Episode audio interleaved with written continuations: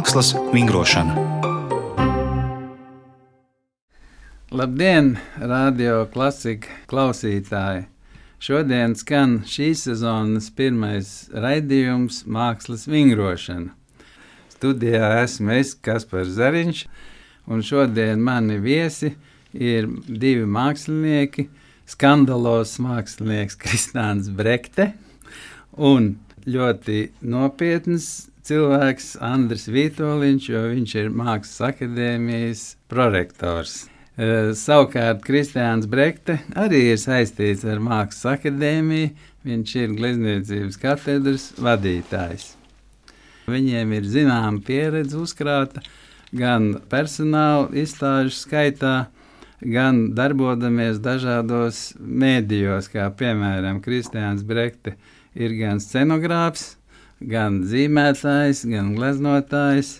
Viņš ir iekārtojis mākslas izstādes, strādājis dažādos teātros. Bez tam viņš ir būvējis velosipēdu, cik es zinu, vaļas prieks. Viņš brauca moci un uh, ir izaicinošs savā apģērbā. Andris Vitoļņš ir ar citu pieredzi kurš ir mācījies uh, vizuālā komunikācijas nodaļā Mākslas akadēmijā, bijis saistīts ar reklāmu savā agrīnajā darba periodā. Tāpat viņš ir uh, multimākslinieks, ja tā var teikt, jo viņš ir gan glaznotājs, gan iekārto mākslas izstādes, gan ir veicis grāmatu ilustrācijas. Tāpat uh, viņam ir kādas 14 personāla izstādes un neskaitāmas piedalīšanās grupu izstādēs. Abiem māksliniekiem darbi ir Nacionālā Mākslas muzejā Latvijā, arī citās privātās kolekcijās un iespējams arī kaut kur ārzemēs. Nu, es varbūt sākšu kā vienmēr no sevis pa kreisi un uzrunāšu Kristiānu Brekti.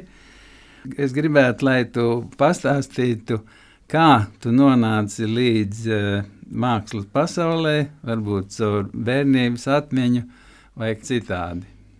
Nu, jā, sveiks! Nu, nu noteikti, ka tur ir tā bērnības ietekme, jo manā vecāks ir Jānis Brekte, Glazno vecrīgas pārsvarā. Bet uh, par ko es tā fanoju, par viņa tieši eļas darbiem, kas nav daudz, un, un ir, ir viņi savādāki. Nu, viņš tā rītīgi spieda to krāsu. Bet kā tā. tu atradi viņu tos darbus, viņi kur glabājās pie sienām? Nu, zem? jā, jau pārsvarā vienmēr, nu, kur es esmu dzīvojis, arī tagad mana māja izkrās pēc tādas Ādams ģimenes vai pēc tāda antikvariāta. Jo ir daudz lietas, ar kuras ar mani runā kaut kādos krāmu tirdziņos, un, un, un tajos pašos antikvariātos tur Kristiāna nopērts mani, Kristiāna nopērts mani. Tad tu dzirdi priekšmetu balsis. Jā, tieši tā. Nu, viņa ar maniem sarunājās. Un, eh, nu, jā, un tad, eh, tad no, noteikti tas, ka mājās eh, vienmēr ir bijušas ļoti daudz mākslas grāmatas, un tik cik nu, es varēju pats, nu, reizēm tur senči gāju uz teātri, es paliku viens ar māsu, un, un tā es kapelēju par to grāmatu plauktu, un ko es varēju paņemt. Teiksim, es atceros, ka dalīja lielā grāmata, nu, bija tiešām super smaga, ka es, ka es viņus šķirstīju.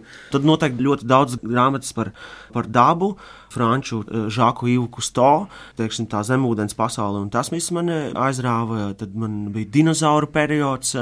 Un tad, kad es pie vecāta braucu uz otrām mājām, Mežciemā, kur tā darbnīca viņam bija, tad bija motoru muzejs, tad mani ļoti ietekmēja tā sadauzītā Brežņēva mašīna, tad es auto avārijas zīmēju, un tad jau man bija tāda skiču kladīta.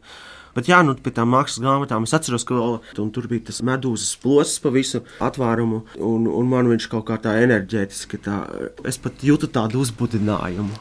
No, un tad tu nokļuvi mākslas skolā? Nē, es mācījos parastā otrajā vidusskolā. Un tad es gribēju būt dakteris, un tad es gribēju iet armijā, jo kaut kādā ziņā es biedēju senčus. Kopš tā laika tev ir noskūta galva. Nē, tad man vēl bija gari mati, un pēc tam, tad, kad es iestājos lietas šajos telniekos, tad man jau, jau bija gari mati līdz, nu, līdz lāpstiņām, un, un tad vienā dienā es izdomāju, ka es, ka es griezīšu nost un arī nogriezu viņus. Un kopš tā laika es ļoti labi un ērti jūtos ar skūtu galvu. Un tad tu nonāci Mākslas akadēmijā? Jā, jo tad es pēc tam telniekiem pieciem gadiem sapratu, ka, ka man interesē citi mēdīji. Un tad es iezvanīju Andrim Freibergam, aizgāju pie viņa un teicu, ka es gribētu iet scenogrāfos. Un, un tā es ar kaut kādu gada laikā gāju pie viņa uz Dailas teātri. Viņš man deva uzdevumus, un kāpēc tas teātris? Tāpēc, ka man likās, ka tur ir visi tie mēdīji, kas, kas man interesē, un arī kas varbūt neinteresē. Teiksim, kaut kāds video man nav mans mīļākais žanrs, un es arī izstādēs nevaru tā ilgi paciest tos, tos video darbus. Un tad tur ir mūzika, ar ko es atkal esmu sācis nodarboties tieši no 2016. gada ar Modri un Māri Butleru. Mums ir apvienība plus K plus M plus B kur mēs tagad ar uh, Māča Lāča video klipu šajā vasarā dabūjām uh, uh, Berlīnē balvu. Ierakstījām Šarla Bordlēra albumu kopā ar izdevniecību Naba. Un, Nu jā, un tad, tā skaņa, un tur ir glezniecība, tur ir tā trešā dimensija, tā kā teātris, un, un, un tev liek lasīt. Tāpēc nu, teātris ir forša stēle. Labi, tagad lūdzu, Andri Vitoļiņš izstāst, kā tu nonāci līdz mākslas pasaulē. Kas bija grūdieni tam? Nu, atšķirībā no Kristiāna, es varbūt nenāku no mākslas vidas. Bet man bērnībā diezgan uzrunāja daudz, kurus pamanīju visādos dzīvokļos, kurus ciemojos, vienmēr kas pie sienām cilvēkiem, kāda dizaina priekšmeta, mēbeles. Un es arī ļoti daudz zīmēju. Bet, pateicoties man, arī mamma veda uz izstādēm. Es esmu pieredzējis ļoti daudz izstādes, arī tādas pat zināmas un slavenas Rīgā no bērnības 80. gadu sākuma. Lai gan es mācījos pirmā vidusskolā, tajā laikā matemātikas skolā, Es biju diezgan nemierīgs, un visu to skolas laiku pavadīju zīmējot arī tās stundas, zīmēju matemātikas stundas. Ar ko tu zīmēji? Pildspalvu? Ar pildspalvu. Tam man uh, ik pa laikam veda pie direktora un, un vēl kaut kur, jo es, es uzzīmēju kādu pliku skolotāju vai vēl kaut kādas dumības, kas, protams, izraisīja klasē lielu sajūsmu. Un tad uh, tika meklēti ceļi, kur to man enerģiju novirzīt. Un, uh, nu, es nonācu Rīgas bērnu mākslas skolā tajā laikā. No, tagad es prorektors mākslas akadēmijā. Es gan esmu mēģinājis kaut kādā mirklī vairākas reizes aiziet no mākslas vidas, vēlāk, jau 90. gados. Jau. Bet ir dažādi notikumi bijuši, kas man ir atsvieduši atpakaļ. Un es sapratu, ka nevajag pretoties tam, kas var teikt, ir iekšā. Bet tev bija mākslas skola, ja nebija? Es pabeidzu bērnu mākslas skolu, un pēc tam es iestājos Rīgas amatniecības vidusskolā. Un pēc tam es nonācu Mākslas akadēmijā. Skaidrs, ka tie ir 90. gadu juku laiki, Un pēdējā vakarā, pirms teikt, dokumentu iesniegšanas eksāmena, man nelēķis skolas biedrs teica, nu, pamēģini. Nu, es aizgāju, pilnīgi nesagatavojies absolūti uz eksāmeniem, jo atšķirībā no mūsdienām, tajā laikā eksāmeni bija mm, daudz kvalitatīvāk un reāli bez sagatavošanās. Fundamentāli darba gadu, divus pirms nevarēja akadēmijā arī tikt. Un es nonācu akadēmijā, uh, Es stājos tajā laikā uz vidas mākslu. Rezultātos es paliku kaut kur pa vidu, jo man bija pilnīgi zigzags. Tur teicams atzīmes kompozīcijā, ļoti slikts zīmēšanā, jo es nebiju gatavojies ģipsi zīmēt. Pēc eksāmeniem es domāju, nu, vienalga, labi, netika, netika, nu, liela mūža pamēģināja, kā ir. Bet uh, atšķirībā no mūsdienām, kad nedrīkst publicēt vārdus, uzvārdus, tā laikā vārdus, uzvārdus publicēja. Vecāki ejot garām, viņi tā kā zināja, paskatījās. Un teica, nu, vajag mēģināt, redz, ka pēc rezultātiem tev kaut kādās nišās ir ļoti augsts vērtējums. Tas nozīmē, ka vajag tomēr mācīties. Un tā laikā bija sistēma, kā visus tos, kas bija atbiruši pa maksu, varēja uzņemt. Bija tāda pedagoģijas nodaļa, kur Ivars Hendriksons bija. bija viens no pasniedzējiem galvenajiem. Un tad mūsu liela tāda kompānija salasīja, un mēs sākām mācīties tur. Pēc pirmā gada lai varētu atbrīvoties no tās mācību maksas, tad mēs stājāmies vēlreiz akadēmijā. Un, protams, ka tad jau es biju uztrenējies gana. Un es iestājos dizaina nodaļā. Un es nomācījos trīs gadus dizaina nodaļā, un tad mēs beidzām bakalauru vizuālās komunikācijas nodaļu. Un maģistrā tu beidz pie gleznot. Jā. Nu, es tev daļradu varētu raksturot, ka tu esi tāds sapņains urbānists būtībā ar savā veidā ar arī abstrakcijas devu un arī ar zināmu seriālismu devu. Un tu savus gleznas citreiz veido arī telpiskā versijā, kas ir tāda kā galdi, kā virsmas. Un, cik es saprotu, strādā ar akrilu. Kur tu rodi tās savas idejas? Es atradu tavā mājaslapā, ir ļoti foršs būdiņu foto. Kur, kur tu ņem tās idejas un kāpēc tieši tāda? Es pat teiktu, ka viņi ir atsvešināti, tāds pamestības sajūta rodās uz viņiem skatoties.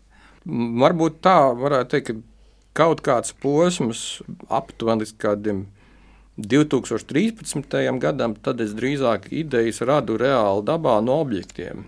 Bet vienā mirklī es sapratu, ka ar mani sāk notikt tas pats, kas ar daudziem māksliniekiem. To savā laikā arī Devis Hoknīs ir pieminējis, tāpat arī Līga Purmala pieminējis šīs attiecības, ka tā fotografija sāk tā kā tik daudz ietekmēt tevi, ka tu jau sāc skatīties pats, domāt kā fotoaparāts.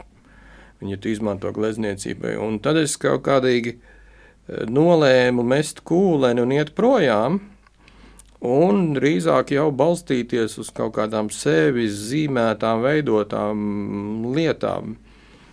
Un šobrīd drīzāk es radu galvā vispirms to pat var vienkārši apgulties uz gultas, aizvērt acis un izveidot šādu pasauli vai kaut kādu ideju, kas varbūt tādā vairāk emocionāli, intuitīvā līmenī. Nu, un tev, Kristiāna, kā tev radās idejas, nu, scenogrāfijā skaidrs, ka tas ir saistībā ar izrādu, lūgvēt, teiksim, Tev bija tāda izstāde, ar ko tu pieteici sevi tā skaļāk, kas bija tās latviešu meitenes Madonas, kā viņas saucās. Jā, prostitūtas, Rīgas Madonas. Jā. Jā, un Nu, principā arī no tādas mākslas vēstures es tā diezgan daudz arī pa pilsētu braukāju ar velosipēdu. Man tad vēl Lienas iela un Čaka iela bija savādāka. Es sapratu, kā ik pa kaut kādiem desmit gadiem, kā vispār mainās lietas vai vai arhitektūra, vai, vai pilsēta.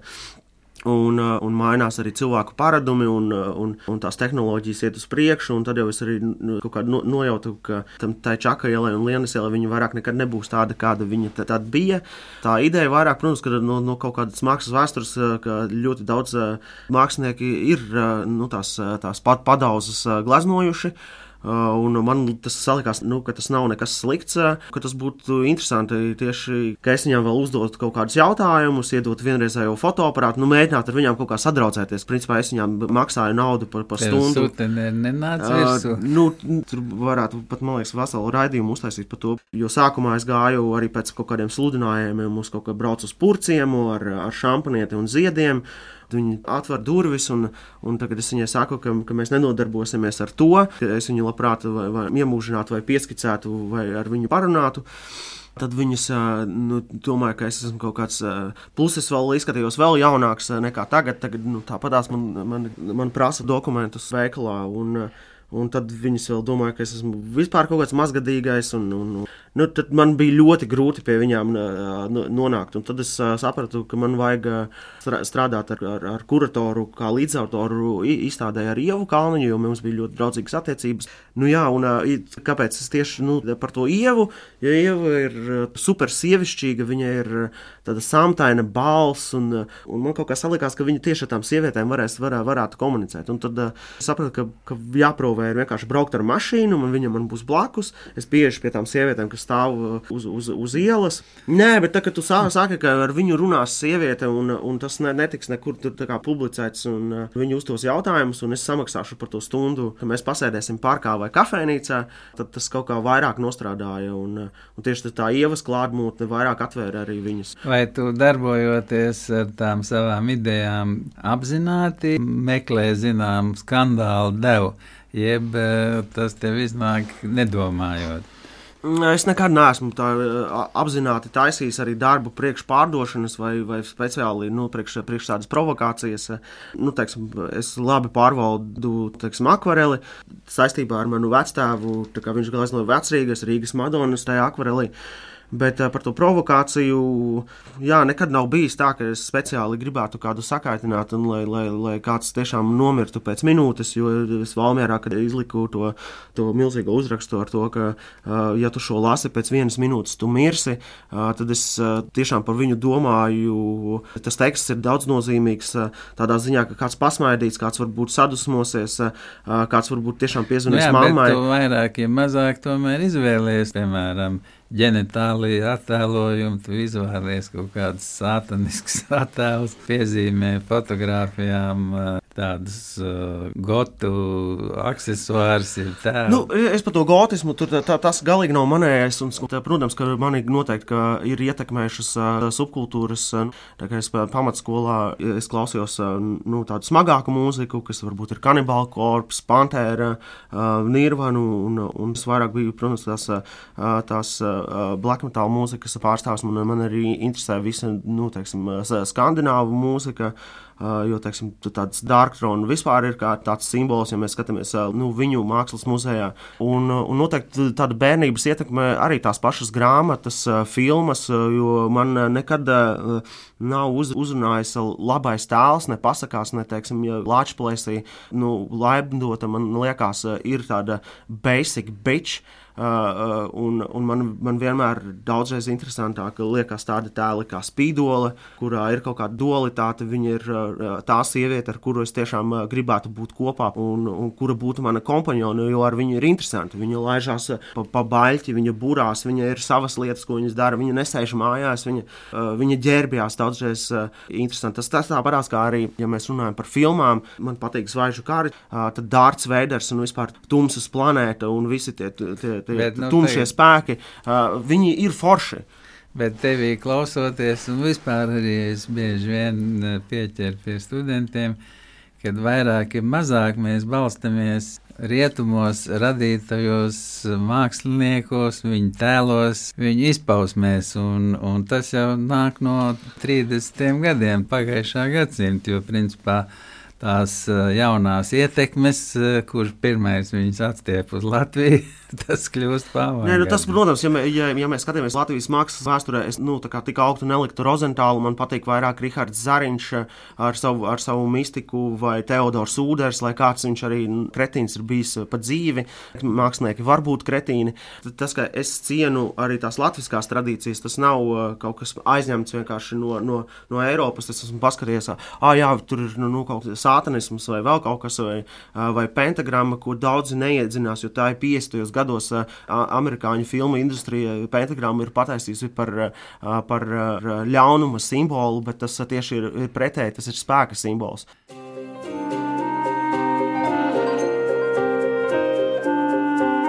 Mākslas vingrošana. Šodien mani viesi ir Mākslas akadēmijas prorektors Andris Vitoļņš un glezniecības katedras vadītājs Kristiāns Brekte. Kas eh, jūsuprāt eh, ir pievilcīgs, aizraujošs mākslā un kāpēc viņi vispār ir vajadzīgi?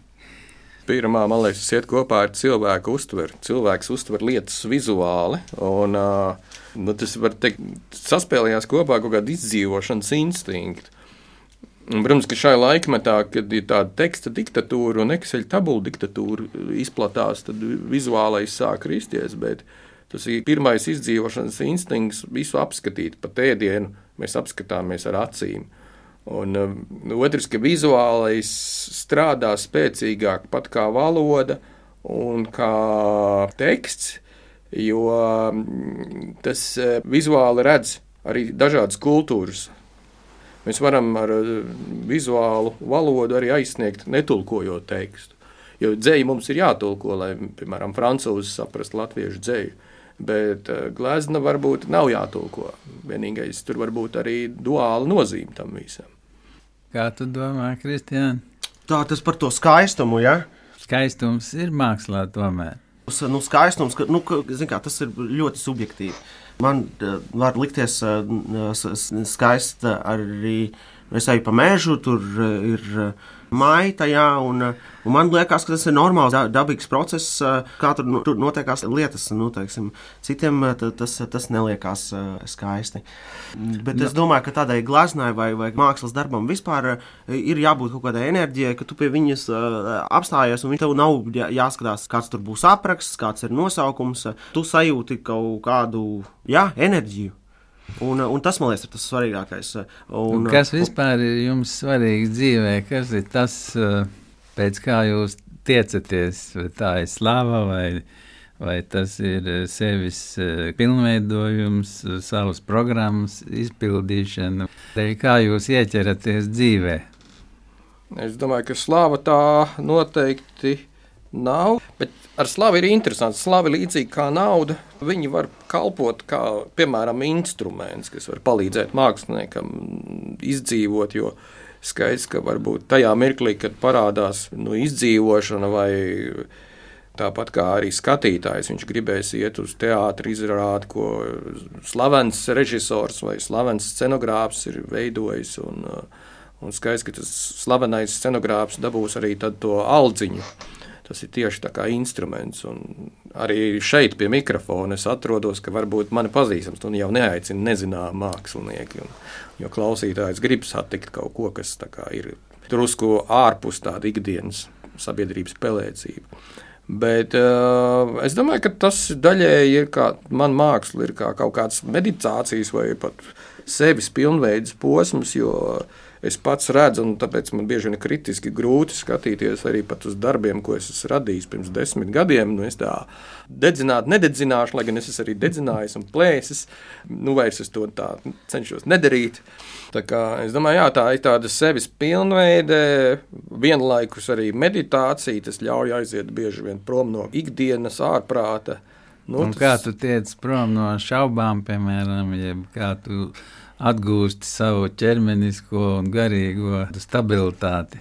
Nu, tās vislabākās zāles, es teiktu, drīzāk kaut kāda sportošana, kā tikt no šaubām. Jo, ja cilvēks aiziet dabā, mežā, vai nu noskrien, vai nobrauc kādu kārtīgu gabalu ar velo, tas vislabāk palīdz. Starp citu, Covid laikā, tajā pirmajā posmā, tas bija ļoti produktīvs laiks, jo paralēli varēja darbnīcā strādāt attālināti pie datora, paralēli varēja glaznot, un tad nebija sastrēgumi. Piemēram, varēja aizbraukt pēcpusdienā uz mežu, noskriet, tad atgriezties atkal vakarā pusē, paskatīties uz tiem mākslas darbiem, kā ir pirmā dienas pusē bijis. Tas pat ir zinātniski pierādīts, ka sportošana palīdz uzvarēt šaubas. Nu, kā tev, Kristiāna? Nu, es dzīvoju pēc tā, ka man liekas, ka pelnījuši dzīvot ir tie, kas izaicina nāvi. Un, un... Tad tev jālec katru dienu galvu kaut kur. Nē, tas nav obli obligāti tā, ka, ka jālec pa logu, ir, bet vienkārši noteikti saprast, ka mēs esam mirstīgi, un tas, ka lielākā daļa mūsu sabiedrības domā, ka viņi ir nemirstīgi, tā, man liekas, ir liela problēma. Un tāpēc eh, es eh, tomēr kā mākslinieks eh, esmu arī kā pareģis un, un, un savus darbus tomēr taisu par to, to apakalipsi, kas nāks, un, un noteikti arī par kaut kādām aktuālām lietām, kas ir šeit un tagad. Neatceros, kurā gadā, kad mums bija kultūras ministra Dāca Melnbārde, bija mums Vāgnera namā e, e, izstāde, un, un tur man bija darbs, kur es apēdu kultūras ministri, jo viņi vairāk tā eforta tieši dziesmu svētkiem un dejām, un nu, tātad viņa virzīt uz vienu, nevis uz visu. Jo, man liekas, mums kultūra... tie ministri jau tā ir pārsvarā kultūras, kas ir virzīti. Nu, jā, un sāksim ar to, ka mums nav kultūras ministrijas, mums ir dziesmu un deju svētku ministrija. Jā, tā, Lietas vienkārši jāsauc īstos vārdos. Nu, jā, un es parasti pieminu tādu, nu, tādu primitīvāku piemēru, ko man liekas, ka visi zina Francisko Goju. Viņš ir lojāls galmam, viņam ir labas attiecības ar karalieni, bet tajā pašā laikā viņš zīmē gravīrās to karu. Līdz ar to mēs varam redzēt, kādas šausmas tur ir darījušās, kā tur moka tos cilvēkus, un, un nekur tālu jau mēs neesam aizgājuši. Tepat tās mums pāris simtu kilometru tālumā notiek tas pats, un tādā ziņā tas Francisko Goja ir kā kā reportieris, kā mākslinieks, kurš strādā savā laikā un ataino, kas tur notiek. Un, un, un es dzīvoju pēc tā, un tāpēc es arī ēdu tos kultūras ministrus. Sācies jaunais mācību gads Mākslas akadēmijā. Un tā kā jūs abi tur darbojaties, kas jūsuprāt būtu nepieciešams arī mākslas akadēmijas attīstībai? Nu, pirmkārt, jau jāsaprot, ka Mākslas akadēmija ir dibinājusies kopā ar Latvijas valstu. Viņa tagad tāds stūrakmenis, tāpat kā brīvības piemineklis, tas stūris, kas ir vērsts uz Mākslas akadēmiju, ir veltīts mākslai. Un, ja mēs paskatāmies arī, kad bija dažādi okupācijas režīmi, vai tie bija nacisti vai tāpat padomju režīms, viņi tomēr bija saistīti akadēmiju vai likvidēt, vai kaut kur apvienot, pievienot vai visādas tādas idejas. Tā pirmā lieta, kad akadēmija var teikt, ir tāds arī savā ziņā valsts un kultūras stūrakmenis. Tas, kas nepieciešams, protams, ka šobrīd pirmkārt tas ir finansējums, jo, ja mēs paraugāmies attīstībā, ko ir paveikušas mūsu pat tuvākās kaimiņu valsts Baltijas, tad mēs atpaliekam nu, jau pa desmit reizes gada budžetā, mēs atpaliekam pa 40%. Un, uh, Skaidrs, ka, ja mēs badinām šo stūrakmeni, tad mēs arī badinām kaut kādu fundamentu, uz kā stāv Latvijas valsts arī. Vienmēr plāpāt, var gaidīt izcilības rezultātus, bet bez tā, ka šiem cilvēkiem būtu normāls atalgojums un mēs varētu piesaistīt normālus speciālistus, nu, par to ir ļoti jādomā. Jā. Ko tu, Kristiāna, domā?